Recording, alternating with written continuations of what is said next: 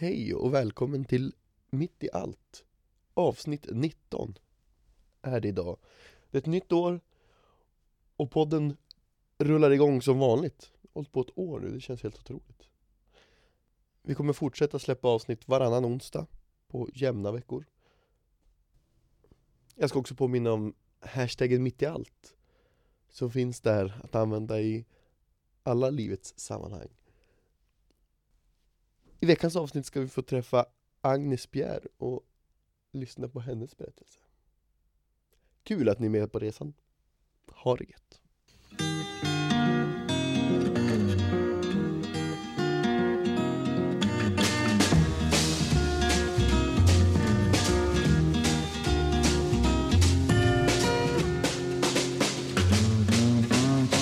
Slow down, you move too fast.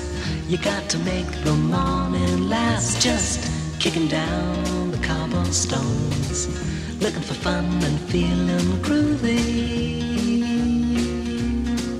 Ba-da-da-da-da-da, feeling groovy. Hej Agnes! Hej Fredrik. Hur är läget? Med mig är det verkligen bara bra. Eh, hur har din sista vecka varit? Det har väl varit skolstart nu? Ja men precis, vi började skolan i torsdags. Så att det här det är typ min femte dag. Och senaste veckan har väl för övrigt, jag har inte tänkt så mycket på skolan än fast den har börjat. Utan jag är fortfarande väldigt kvar i hela lovtänket än så länge. Så att det är jätteskönt. Och nu senast i helgen så eh, var jag ute på en liten tur med mina vänner. Åkte upp med eh, bussen norrut till Norrland och besökte både Skellefteå och Luleå för att följa ett par vänner som har startat band så att de var ute på en liten turné. Okej. Så då eh, hängde jag och ja, men, tre, fyra vänner till på som en, som några groupies för att följa med och följa det här, deras Mm. första spelningar. Så att det har varit extremt kul faktiskt. Är det något band man hört talas om? Ehm, de heter Avekluna. De är väldigt nya, de har inte spelat så länge tillsammans. Men det är ju liksom folk från min skola i min ålder, ett tjejgäng som har börjat. Och det är faktiskt hur bra som helst. Vad för typ av musik?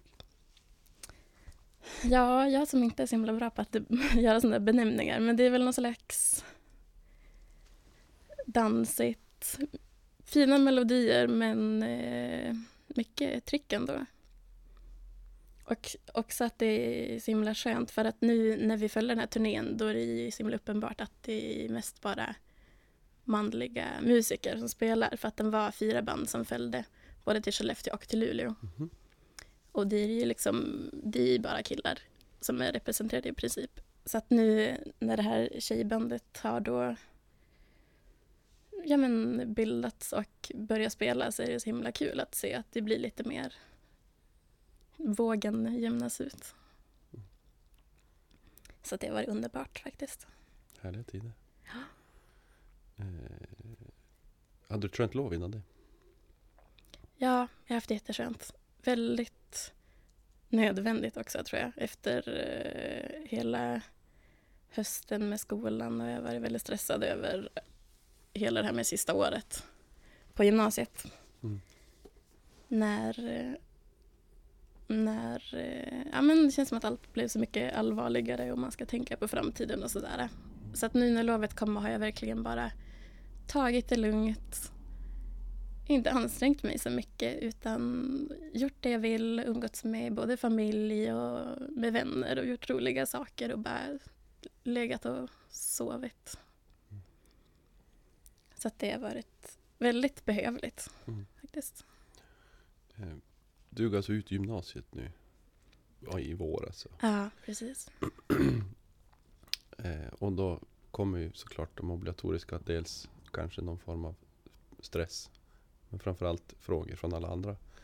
Vad, vad ska du göra sen? Hur, hur är din känsla inför det som kommer?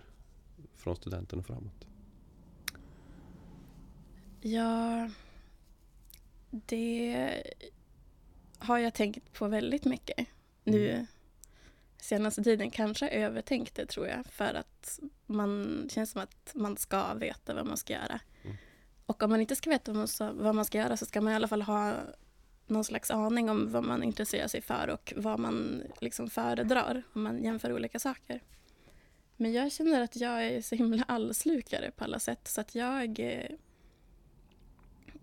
kan verkligen inte liksom välja en sak framför den andra utan det har väl blivit så att jag har försökt tänka och tänka och tänka och övertänka och vad vill jag egentligen fortsätta med och att jag liksom då kommit in i något slags stadium att jag eh, har fått för mig att man ska planera liksom hela sin framtid eh, nu. Mm. Och det är ju helt fel. Men eh, nu känner jag väl ändå att jag eh, jag vill nog bara, jag kanske inte riktigt är redo för att lämna Umeå direkt och så. Och jag vill inte heller eh, plugga direkt för att då måste jag få lite mer betänketid och lite mer erfarenheter. Men eh, jobba, stanna kvar, ta allt lite i taget. Och till sist så blir jag väl less antingen på att bo hemma eller bo i Umeå eller att jobba eller vad jag nu gör. Så att då kommer jag kunna veta vad jag vill göra. Men du har ingen, ingen aning idag? Vet att jag eh, tycker om att hjälpa folk på olika sätt. Um, men det är väl liksom mer då i min, som jag är som person och i min umgängeskrets att jag tycker att det är jätteviktigt att alla, att alla mår bra och att jag eh, tycker att det är jättejobbigt att se när folk mår dåligt. Så att det är väl något som jag i så fall skulle kunna tänka mig att på något sätt i framtiden då jobba med någon slags antingen mående eller bara att hjälpa till på något sätt som behövs. Men fortfarande väldigt oklart vad det skulle vara. Upplever du någon press från din omvärld att liksom ta tag i det där? Att skynda eller att... Ja, jag tror mest att det är, det är ingen som pressar mig. Så är det inte. Utan det är jag själv som pressar mig själv. För att jag då jämför mig med folk som har någon aning om vad de vill bli. Eller vad de ska göra när de har slutat gymnasiet. Och att jag då, ja men jag tänker väl att även fast det inte är så, så tänker jag att det är väldigt många som vet vad de vill bli och nu måste jag också veta det. Och sen så börjar det där och sen så övertänker jag det mesta. I got no deeds to do, no promises to keep. I'm dappled and drowsy and ready to sleep. Let the morning time drop all its petals on me. Life, I love you, all is groovy. Jag bor med min mamma och pappa just nu. Min storebror bor i Stockholm. Han har flyttat ut, han är tre år äldre än mig. Ehm, Så att då, nu bor jag med mamma och pappa. Som eh, jag märker mer och mer hur mycket jag påverkas av dem. Och blir mer och mer lik dem för eh, liksom, dagarna som går. Så jag känner igen mig jättemycket. Um, speciellt ofta i min pappa har jag märkt. Uh, vi... Jag eh, tänker mig väldigt ofta och jag känner att vi är väldigt lika personer och har liksom så här samma... Jag menar, alltså vi tänker ofta på samma sätt och beter oss väldigt lika. Vi kan vara lite... Kanske inte vill alltid prata om allting och vill inte alltid göra så stora saker av eh, saker som verkligen kan vara stora utan att man bara liksom puttar undan det lite. Och att vi på något sätt känner samma känslor och har, eh, är väldigt, kan vara väldigt sentimentala och vemodiga. Och vid samma tillfällen och när liknande saker händer med oss. Men samtidigt så märker jag också hur mer lik jag blev min eh, mor. ju äldre jag blir och blir lite jag kan bli lite bestämmande ibland och lite orolig och fortfarande väldigt målmedveten i det jag gör. Men jag älskar dem båda jättemycket och vi... Eh, jag tycker att vi har en väldigt fin relation och där jag vet att jag verkligen kan tala med båda om ja, men i princip vad som helst. Och jag vet att de skulle lyssna och bry sig även fast jag kanske inte alltid vill prata med dem eller känner att jag behöver så vet jag ju att jag kan det. Och det tror jag är jätteviktigt. Har det alltid varit så? Nej. Det har det ju inte. Det har ju faktiskt aldrig varit så att vi har haft riktigt stora konflikter och så. Ehm, eller bråkat mycket. Mm, vilket jag inte vet. Det kanske är ovanligt eller så är det vanligt. Men eh, utan det är väl mest bara varit så att jag och min bror har på något sätt lidit till mina föräldrar eller vad man ska säga. Vi har väl ofta gjort som de känner men de har ju samtidigt aldrig pressat oss eller eh, lagt någon större vikt på att ni måste göra så här eller så här utan det är bara de har varit väldigt, väldigt avvaktande på så sätt. Um, så att jag tycker att det är lite svårt. Om jag tänker efter så vet jag faktiskt inte riktigt hur det var när vi var yngre. Men... eh, Ja, nu är det i alla fall bra. Eh, hur... Eh, hur hamnade du i, i, i våran poddsoffa? Bortsett från att jag frågade och du sa okej då.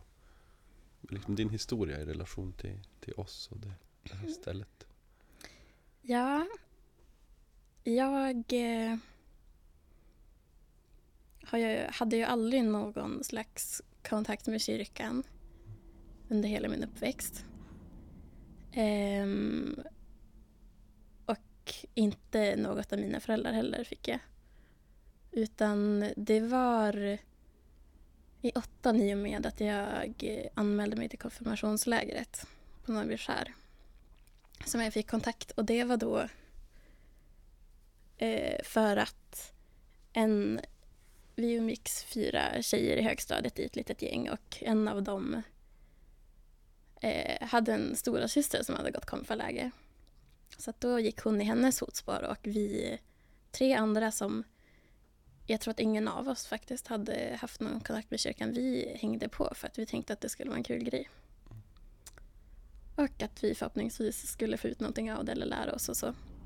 Så det var i och med det konfirmationslägret som eh, jag lärde känna kyrkan och fick lite mer insikt. Um, och sen efter det lägret så konfirmerade jag mig inte heller och jag döpte mig inte utan jag var ju jag kände inte att det kändes tillräckligt bra helt enkelt. Um, så att så gick det väl några månader och då på hösten där så både döpte jag mig och konfirmerade mig samtidigt. Ehm, och började ledarutbildningen, kyrkans ledarutbildning tillsammans, tillsammans med en grupp människor. Och sen dess så har jag väl då gått den här utbildningen, jobbat lite på konfaläger och ja, men, hängt med i lite verksamheter som kyrkan har. För att jag eh, tycker att kyrkan är en så himla social och öppen mötesplats. Det beror till väldigt stora delar på det. Man får, eh, man utmanar sig själv så himla mycket och träffar många nya människor och alla är så himla, himla ja, men välkomnande och öppna. Och väldigt så här, kärleksfulla så att det är faktiskt ett, alltså, ett oerhört bra ställe att vara på. Man mår väldigt, väldigt bra. Um, Sen så är, jobbar jag också i kyrkan med väldigt bra saker som jag tycker är jätteviktiga som inte heller alla andra politiker eller vad det nu kan vara engagerar sig så mycket åt. Jag vet inte, och det kan ju vara allt från att hitta platser där man kan, eh, där eh, som eh, liksom kan värma och agera sovplatser åt tiggarna här i Umeå eller sådär. Men jag tycker att de gör ett väldigt bra jobb och genom att gå alla de här ledarutbildningarna och konfirmationslägren och få vara med på det så ja, men man öppnar ju upp någon slags intresse samt att man blir så stimulerad och det utvecklar tankarna och jag tror att det är jätteviktigt för att jag hade jättemycket fördomar om kyrkan och, och det här med att vara religiös och så i, alltså tills att jag själv fick se hur det gick till. Och då ändrades allt så snabbt och man inser hur mycket fördomar man kan haft förut och hur saker liksom är. Så att nu känns det ändå lite skönt för att jag har eh, jag vet hur jag tänkte innan när jag liksom var lite utanför hela verksamheten plus nu när jag ändå har fått vara en del av det. Så att jag har mm, två perspektiv och det känns väldigt, väldigt bra.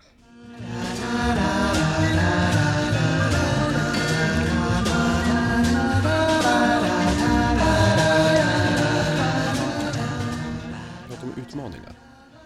Mm. Eh, Vilken är din största utmaning i relation? Eller din största, men du pratar om, om att du blir utmanad. Vad- Vad har du utmanats i? I relation till kyrkan, konfaläger, ledarutbildning? Ja, alltså jag har ju eh, jag tror att jag länge tyckte att det var kunde vara ganska svårt att umgås med eh, folk i en sån här eh, öppen social, öppna sociala situationer. Kanske eh, så här då under sjuan och åttan speciellt. Att jag, jag vet inte om det var för att jag kanske inte var så säker på mig själv eller att klassen kanske inte var jätte... Bara hade plats för vissa. Man skulle vara rolig och skratta högt och mm gillar de här skämten och så. Så jag tror att jag blev på något sätt lite hämmad under sjuan och åttan. För att jag inte riktigt... Man kunde inte riktigt vara sig själv även fast man visste vem man var. Så då också i och med det här att vi gick, att jag gick konfaläger så eh, uh, hamnar man i en väldigt stor grupp. Jag tror att vi var 60 stycken personer. Eh, så då kan man ju också bli väldigt förvirrad, vilket jag då blev tror jag. Och samtidigt, även fast det gav så många liksom, tillfälligheter till att träffa nya personer och sådär så kanske jag inte tog det för att jag var, jag var lite rädd och sådär lite osäker. Jag visste inte riktigt hur man skulle bete sig. Så att jag skulle nog säga att jag jag menar, alltså på något sätt var lite osocial och inte riktigt visste hur jag skulle bete mig i sånt där. Men eh, så att efter det, efter det här med konfralägren och när jag fick träffa en annan grupp människor och då senare fortsatte umgås med dem som jag träffade på lägret så utvecklades jag extremt mycket som person. Och jag blev eh, social. Jag kunde liksom vara trygg i mig själv i sociala situationer och vågade öppna mig mer och mer och prata högre och högre. Så att jag känner ändå att jag utvecklat, utvecklat mig väldigt mycket på det sättet, socialt. Och i samtal och så. Sen om man jämför mig nu när jag går trean i gymnasiet och när jag gick när jag hade slutat åttan så är det faktiskt en extrem förvandling. Berätta. Nej men det är liksom just det att nu så älskar jag att träffa nya folk. Och jag skäms inte över mig själv på det sättet. Utan jag eh, kan ofta liksom, jag gör det jag vill och säger det jag vill. Jag eh, älskar att lära känna nya personligheter och få veta hur folk tänker. Och hur tankarna går runt i folks liksom, huvuden och bara se hur olika liksom, personer kan vara i intressen och personligheter och så. Um, och jag har inte så svårt att prata med nya personer heller. Men, och då om man jämför med åttan när, det var ju dock länge sedan, men eh, det skulle jag aldrig gjort då. Mm. Och jag tror faktiskt att det beror väldigt, väldigt mycket på det här, eh, jag menar alltså dels de kyrkliga verksamheterna jag har liksom varit med i. Ja, både att man lär sig prata och provtänka och att jag har träffat och fått så mycket mer kontakter med nya folk. Och vågat det också. Mm. Häftigt. Ehm, I eh, november förra året så hade vi en monter på MR-dagarna. Eh, Och i arbetet med att sätta ihop den så var du engagerad. Mm. Delvis. Ehm, Är det här något som är viktigt för dig? Mänskliga rättigheter på olika sätt? Hoppar jag vidare från kyrkan här. Fast ändå inte. Ja, det är det ju absolut. Alltså det känns ju något som är väldigt grundläggande. Som inte, egentligen inte borde vara en fråga ens. För att det borde ju finnas, alltså alla mänskliga rättigheter borde ju liksom uppfyllas då för alla. Men i och med att det inte gör det så är det ju något som man verkligen inte kan blunda för utan det är ju något som jag nästan känner att alla borde brinna för. Och försöka ändra på. Och om man inte gör det så borde man ju, eller om man inte tänker på det, eller tänker att det spelar någon roll, eller att man inte känner att man måste göra det, så måste man nog tänka om lite för att då är man väl säkert själv så privilegierad att man kanske har alla sina mänskliga rättigheter uppfyllda, men att då måste man komma ihåg att det är väl absolut inte alla som har det. Nej, Långt ut väl. Ja. En begränsad del. Ja, bara. men precis. Så att jag tycker att det är jätte, jätteviktigt. Och jag jobbar ju inte jättemycket för det, men det är absolut något som jag kan tänka mig att göra. Ja, När du berättade om, om den här resan ni har gjort upp till Luleå och Skellefteå. Eh, så eh, ganska direkt ja, eh, så, så började du prata om det utifrån ett, ett genusperspektiv. Med en verklighet som, som tyvärr är, jag tror att du har rätt. Det är, eller jag tror inte du har rätt. Musikscenen är starkt mansdominerad. Ehm, är det något eh, spår som är liksom viktigt för dig? Genusfrågan just. ja det är ju självklart att det är och det märks ju man att eller jag märker ju att man blir liksom behandlad ändå annorlunda som tjej och det finns så mycket saker som kan förbättras i, i den frågan. Hur märker du det? Berätta. Men det kan ju vara allt från... Eh, alltså man tänker bara liksom aktiviteter man är med i och jag vet inte om det kan vara allt från fotbollsträningar och...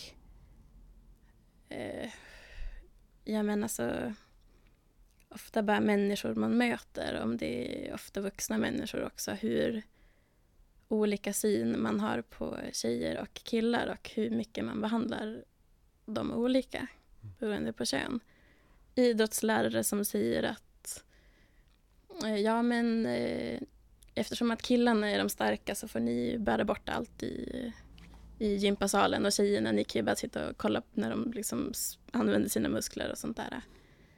Till att någon eh, gammal eh, så här, eh, en kock som arbetar i köket på mellanstadieskolan går till eh, killarna som är lika gamla som mig som går i min klass och säger att ja, såg ni UIK damerna matchen, det var riktigt bra för att det var varmt och tjejerna hade ju nästan inga kläder på sig. Och det är ju sånt där som ofta känns, alltså man blir ju så pass arg för att folk verkligen känner att det är olika skillnader på tjejer och killar. När jag inte tycker att det är det.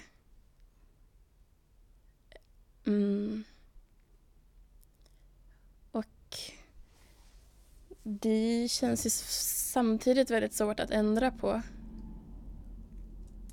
mycket av det. På förväntningar och sånt där som människor då liksom har bestämt sig för att det är så här. Men ja, det är ju klart att det är viktigt. Jag tycker att det är jätteviktigt att ändra på. Och att inte koppla alla då egenskaper som man associerar som kvinnliga, att man är känslig eller eh, kanske lite avvaktande ibland och sådär som man ofta associerar till kvinnor.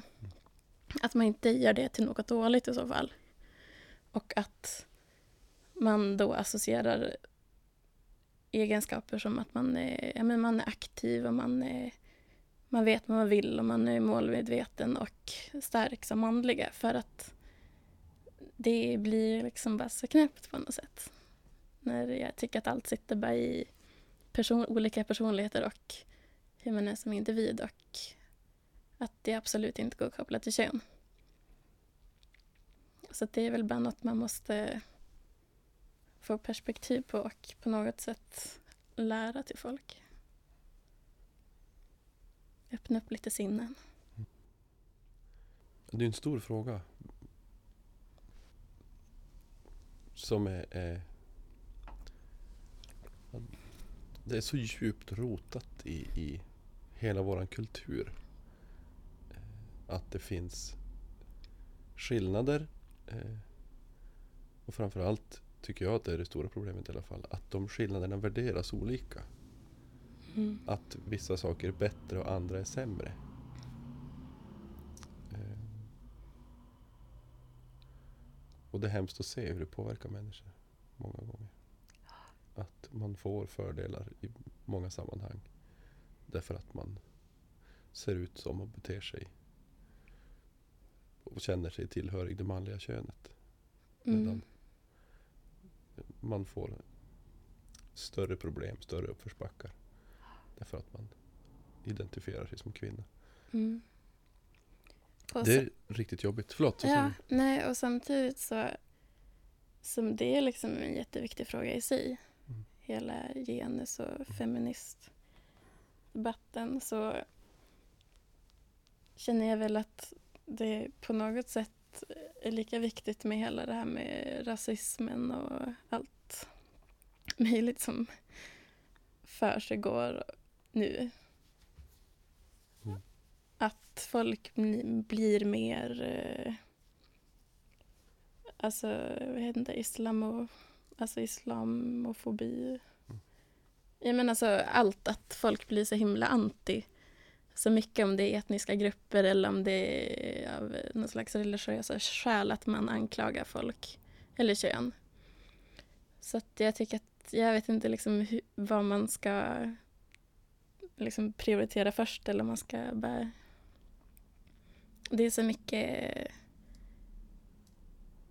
dumt som händer samtidigt. Och så mycket som behövs förbättras. Så att... Mm. Ja. Det är som att jag känner att det är så mycket som är fel.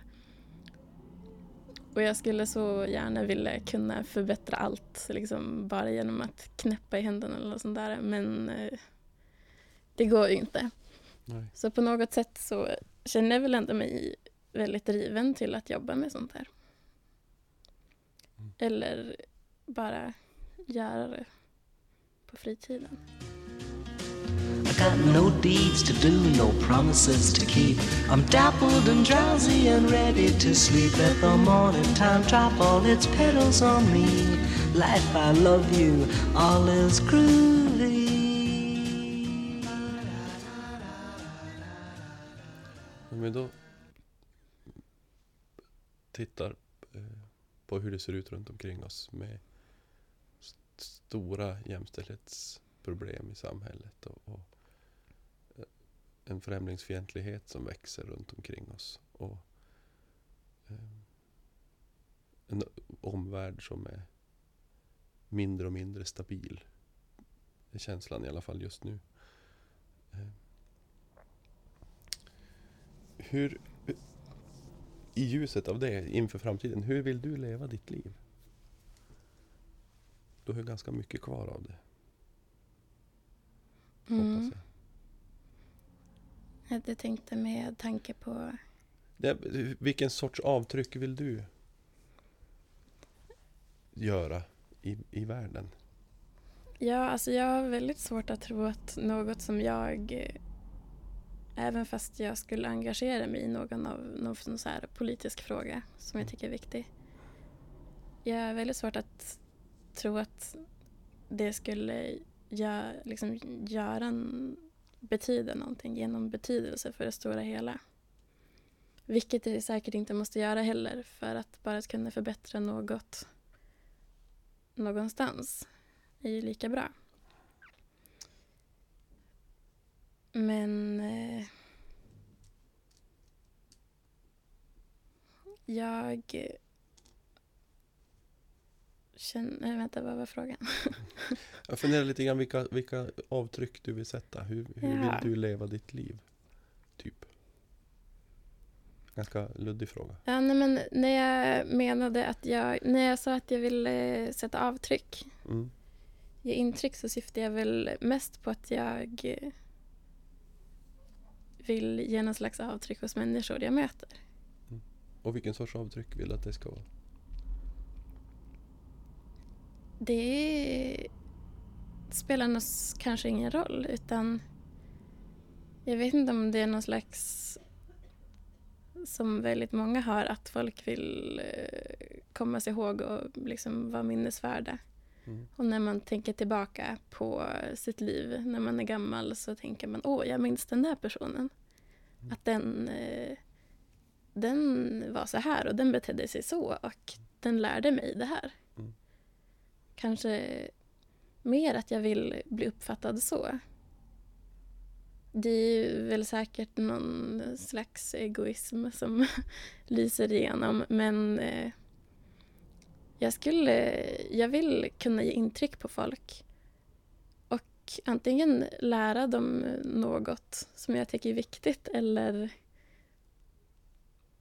bara ha förbättrat något inom folk. Så att jag tror att jag kan bete mig lite så ibland och sträva lite efter sånt.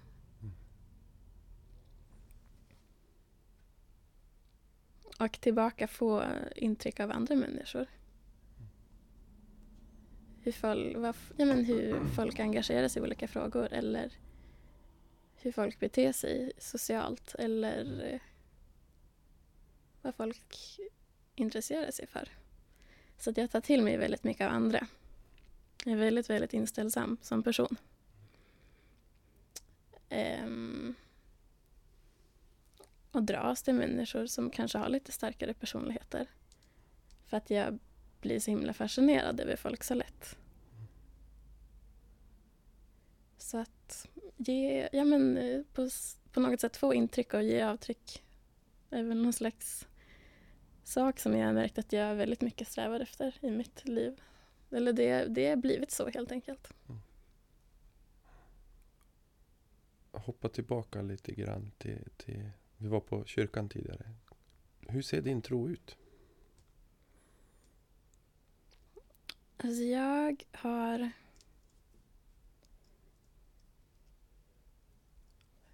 trott på så mycket olika saker. Och det är som att allt kommer i, i omgångar. Och i, det beror säkert också väldigt mycket på vilka folk jag befinner mig i, har jag märkt. Um, ja, men, runt vilket folk jag befinner mig med. Um, så att jag, när jag liksom umgås i, ja, men i, ofta i kyrkans verksamhet eller går ledarutbildningen så tänker jag ju, då blir det att man tänker väldigt mycket på religiösa frågor och så. Så att då har jag väl skapat mig någon slags ja, men, reli, religion, religiös tro. Men som inte absolut stämmer överens med vad många andra kan tro. Och jag är väldigt svårt för att förklara det. För att det, det var... Det är inte något som jag så ofta tänker på. Just alltså nu för tiden, utan att det har släppt väldigt mycket och jag har inte engagerat mig religiöst på ett tag. Så att jag tror att det har avtagit väldigt mycket och så. Men om man bara tänker om folk rent allmänt skulle fråga mig vad jag tror på om man tänker tillbaka på det senaste året så finns det liksom så mycket och jag blir så, kan bli så besatt av vissa saker. Så att ena månaden så eh, tror jag verkligen på eh, kretsloppet och andra månaderna så är jag helt insatt i all den här astrologi och, och stjärnhimlen och månen och bilderna och sen så blir jag liksom så att jag jag tänder till på vissa saker vissa gånger men allt kommer i omgång, allt kommer och går. Så att det finns väl i princip inget konstant som ständigt är där.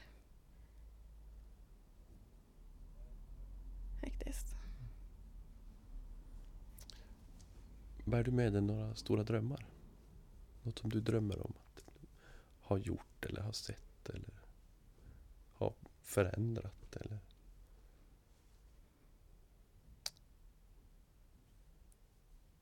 Jag drömmer väl mest bara om att kunna fortsätta utvecklas som person hela tiden.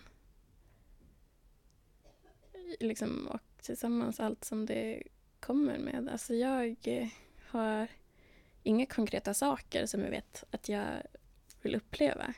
Och jag har eller ägna mig åt utan det vi vill och det jag drömmer om är väldigt abstrakt i form av att jag vill jag vill ändras. Alltså jag vill ha någon slags ständig förändring. Jag vill utvecklas hela tiden. Um, och ändra mig på något sätt. Eller alltså, jag blir så lätt jag blir så lätt eh, rastlös och trött på mig själv. Kan hända. Så det spelar ingen roll om det är om, mm, något utseende eller något med håret eller eh, något med personligheten. Utan jag kan, jag blir bara i vissa tillfällen bara väldigt less på jag tycker att det, saker har varit för länge efter ett tag. Så då måste jag ändra mig själv och det kan vara att jag börjar umgås med nya personer så att jag får eh, någon slags större perspektiv och får nya intryck av folk. Och får liksom, det visas nya sidor av hur man kan bete sig och vara. Så det är väl sånt jag drömmer om att fortsätta göra. Att aldrig stanna i din Ja, att aldrig stanna.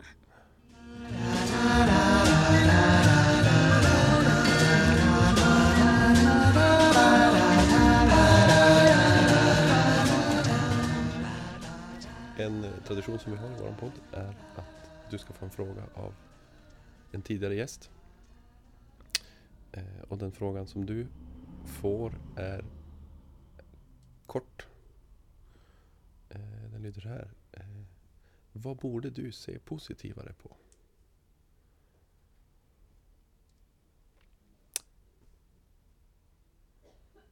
mig själv.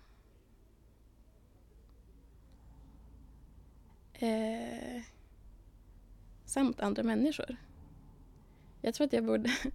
Jag eh, måste faktiskt börja se lite positivare kanske på folks... På människor i allmänhet. Jag tror att jag ibland kan ha en ganska negativ människosyn på folk och tycka att allt är ganska hopplöst. Eh, för mig själv, för min framtid och liksom hur andra människor beter sig och är. Att vi alla är egoistiska eller att ingenting kommer lösa sig till slutet och allt är redan kört och alla ska ändå dö så att det är bara liksom, jag tror att jag kan ha en väldigt negativ syn på mänskligheten allmänt. Um, så att, men det vet jag också och jag vet att ja, men om man inte har något slags hopp eller ser positivt på det så kommer ju ingenting ändras och jag kommer ju fortsätta i samma tankebanor. Så att jag tror, och jag vet och jag vill börja se lite mer hopp och lite mer positivt både i andra människor och i mig själv, i hela mänskligheten. Hur är din självbild? Hur ser du på dig själv? Som en, eh, en liten, liten människa. En obetydlig eh, människa i världen vid vissa tillfällen. Och då känner jag väl att allt, det spelar ingen roll vad jag gör för att inget spelar ändå någon roll. Sen så i andra stunden så eh, är jag, kan jag vara väldigt på något sätt egoistisk och uppblåst och tänka att allt handlar om mig. Och ja, men eh, de där människorna, de eh, tänker bara på mig och det här gör folk för att för min skull och sådär. Och allt jag säger och allt jag tänker spelar ju, tar folk till sig och tycker folk är jätteintressant. Så det pendlar väldigt, väldigt mycket från någon slags ganska ren egoism till att jag känner att jag eh, inte betyder någonting. Förutom för några enstaka människor som befinner sig i min närhet. Så någon slags blandning av det där hade ju varit perfekt, Mm. kan jag känna. Men du tycker inte att du är där? Jag närmar mig. Det gör jag. Påverkar det dig mycket att din självbild ser ut så här? Ja, absolut. Hur då? Ja, eller man styrs av sin självbild. Och om jag uppfattar mig på ett sätt så kommer jag också agera efter det sättet. Känns det ofta som. Också att jag eh, märkt efter att jag har suttit och analyserat mig själv att jag eh, väldigt ofta, också det i sociala sammanhang, agerar på det sättet och beter mig på det sättet som jag tror att folk förväntar sig av mig. Så om jag träffar, om jag umgås i en, i en ny umgängeskrets med nya människor så kan det lätt bli så att nej men, antingen, nej men folk, man märker ju ofta att folk har vissa förväntningar sig, på sig eller ja, till exempel det kan vara att jag, eh, jag umgås med folk som eh, tycker att jag ser mig som väldigt rolig och då kommer jag ju, då blir det ju så att då skämtar jag mycket och jag skrattar mycket med just den umgängeskretsen. Sen så kan jag samtidigt umgås med en annan, ett annat gäng som eh, tycker att jag är eh, kanske lite tystlåten och ser mig som eh, någon mystisk abstrakt varelse och då agerar jag så. Då får jag på något sätt den personligheten. Så att jag eh, kan ändra mig väldigt mycket beroende på vilka folk jag umgås med. Och det tror jag är väldigt destruktivt i längden och det är väl också det som jag försöker jämna ut med någon slags balans av den här eh, egoismen och den, det är alltid obetydliga. Så jag tänker att om jag hamnar någonstans där i mitten så kommer jag bli mycket säkrare på mig själv och veta vem jag är och sådär. Och kunna vara stark och hålla fast vid det och inte behöva känna att jag påverkas så mycket av vad jag tror att folk uppfattar mig som. Och, men det känns som att jag är på rätt väg i alla fall. Jag är snart där.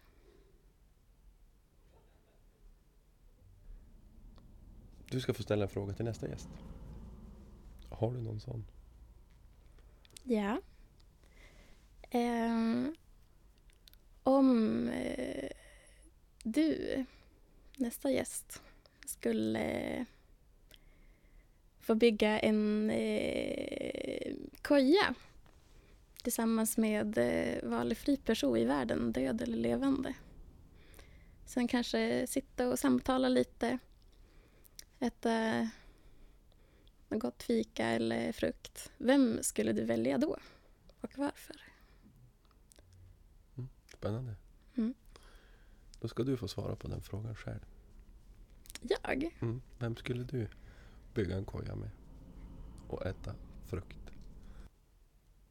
Jag... Ja, nu måste jag ju faktiskt komma på något själv också. Ehm. ja, alltså jag skulle... Jag skulle slå till med... Kanske eftersom... Ja, men jag tror att jag skulle gå på någon slags eh, musikinriktning. Jag tänker att jag eh, kanske skulle vilja sitta där och hänga upp lite tyger och bädda med kuddar och käka mango och snacka lite med typ Leonard Cohen eller sånt där. Be en berätta några historier och sitta och småprata bara. Jag tycker att han verkar som en, en spännande människa. Leonard Cohen. Lyssnar Leonard mycket, Cohen. Lyssnar du mycket på honom? Ja, ja, det gör jag faktiskt. Betyder hans texter mycket för dig? Jag tänker, han, på något sätt måste han ha påverkat dig när, när du väljer Ja, jo, honom.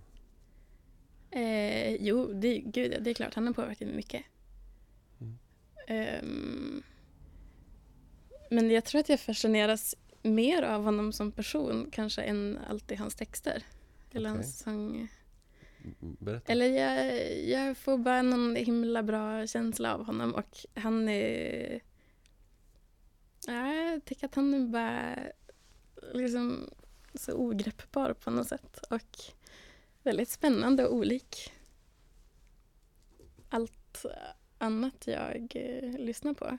Så att Mm. jag vet inte, han, eh, han skriver ju sin poesi och sin prosa och jag tycker bara att det är väldigt, väldigt vackert.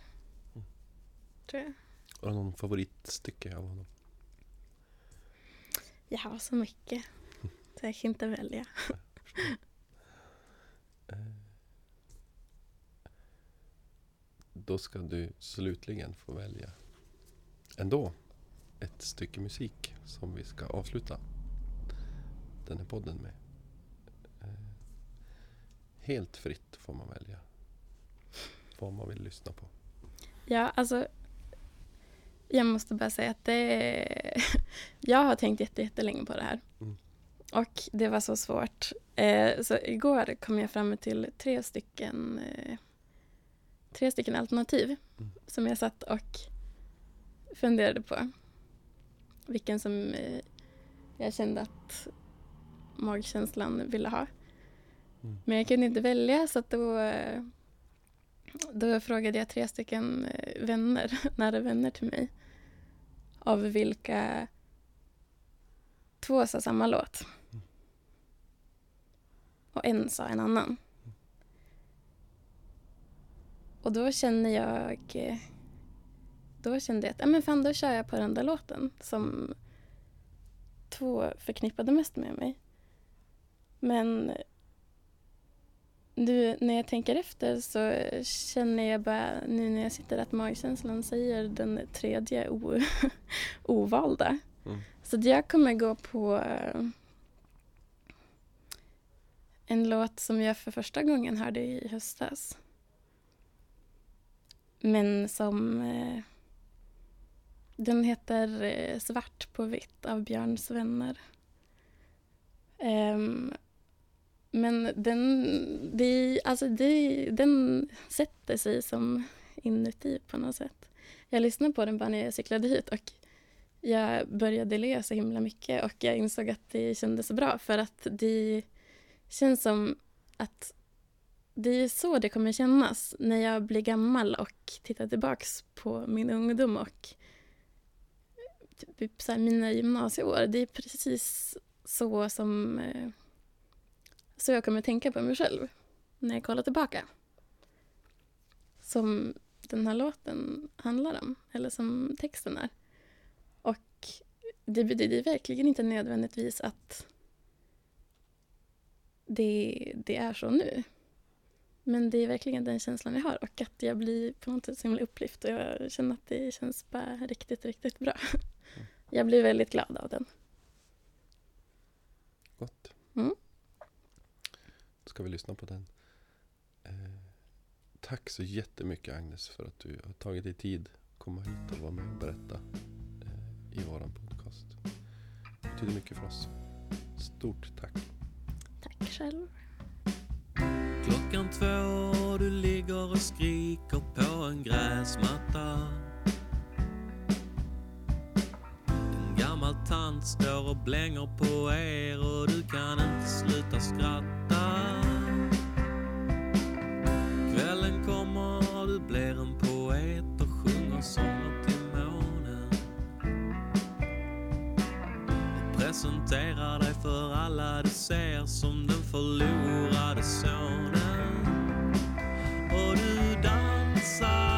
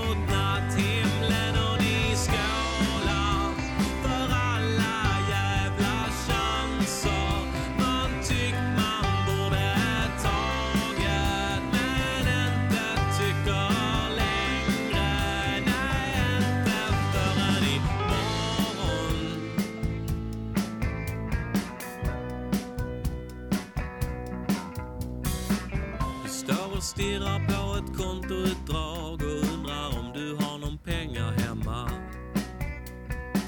Du skulle fått minst dubbelt så mycket,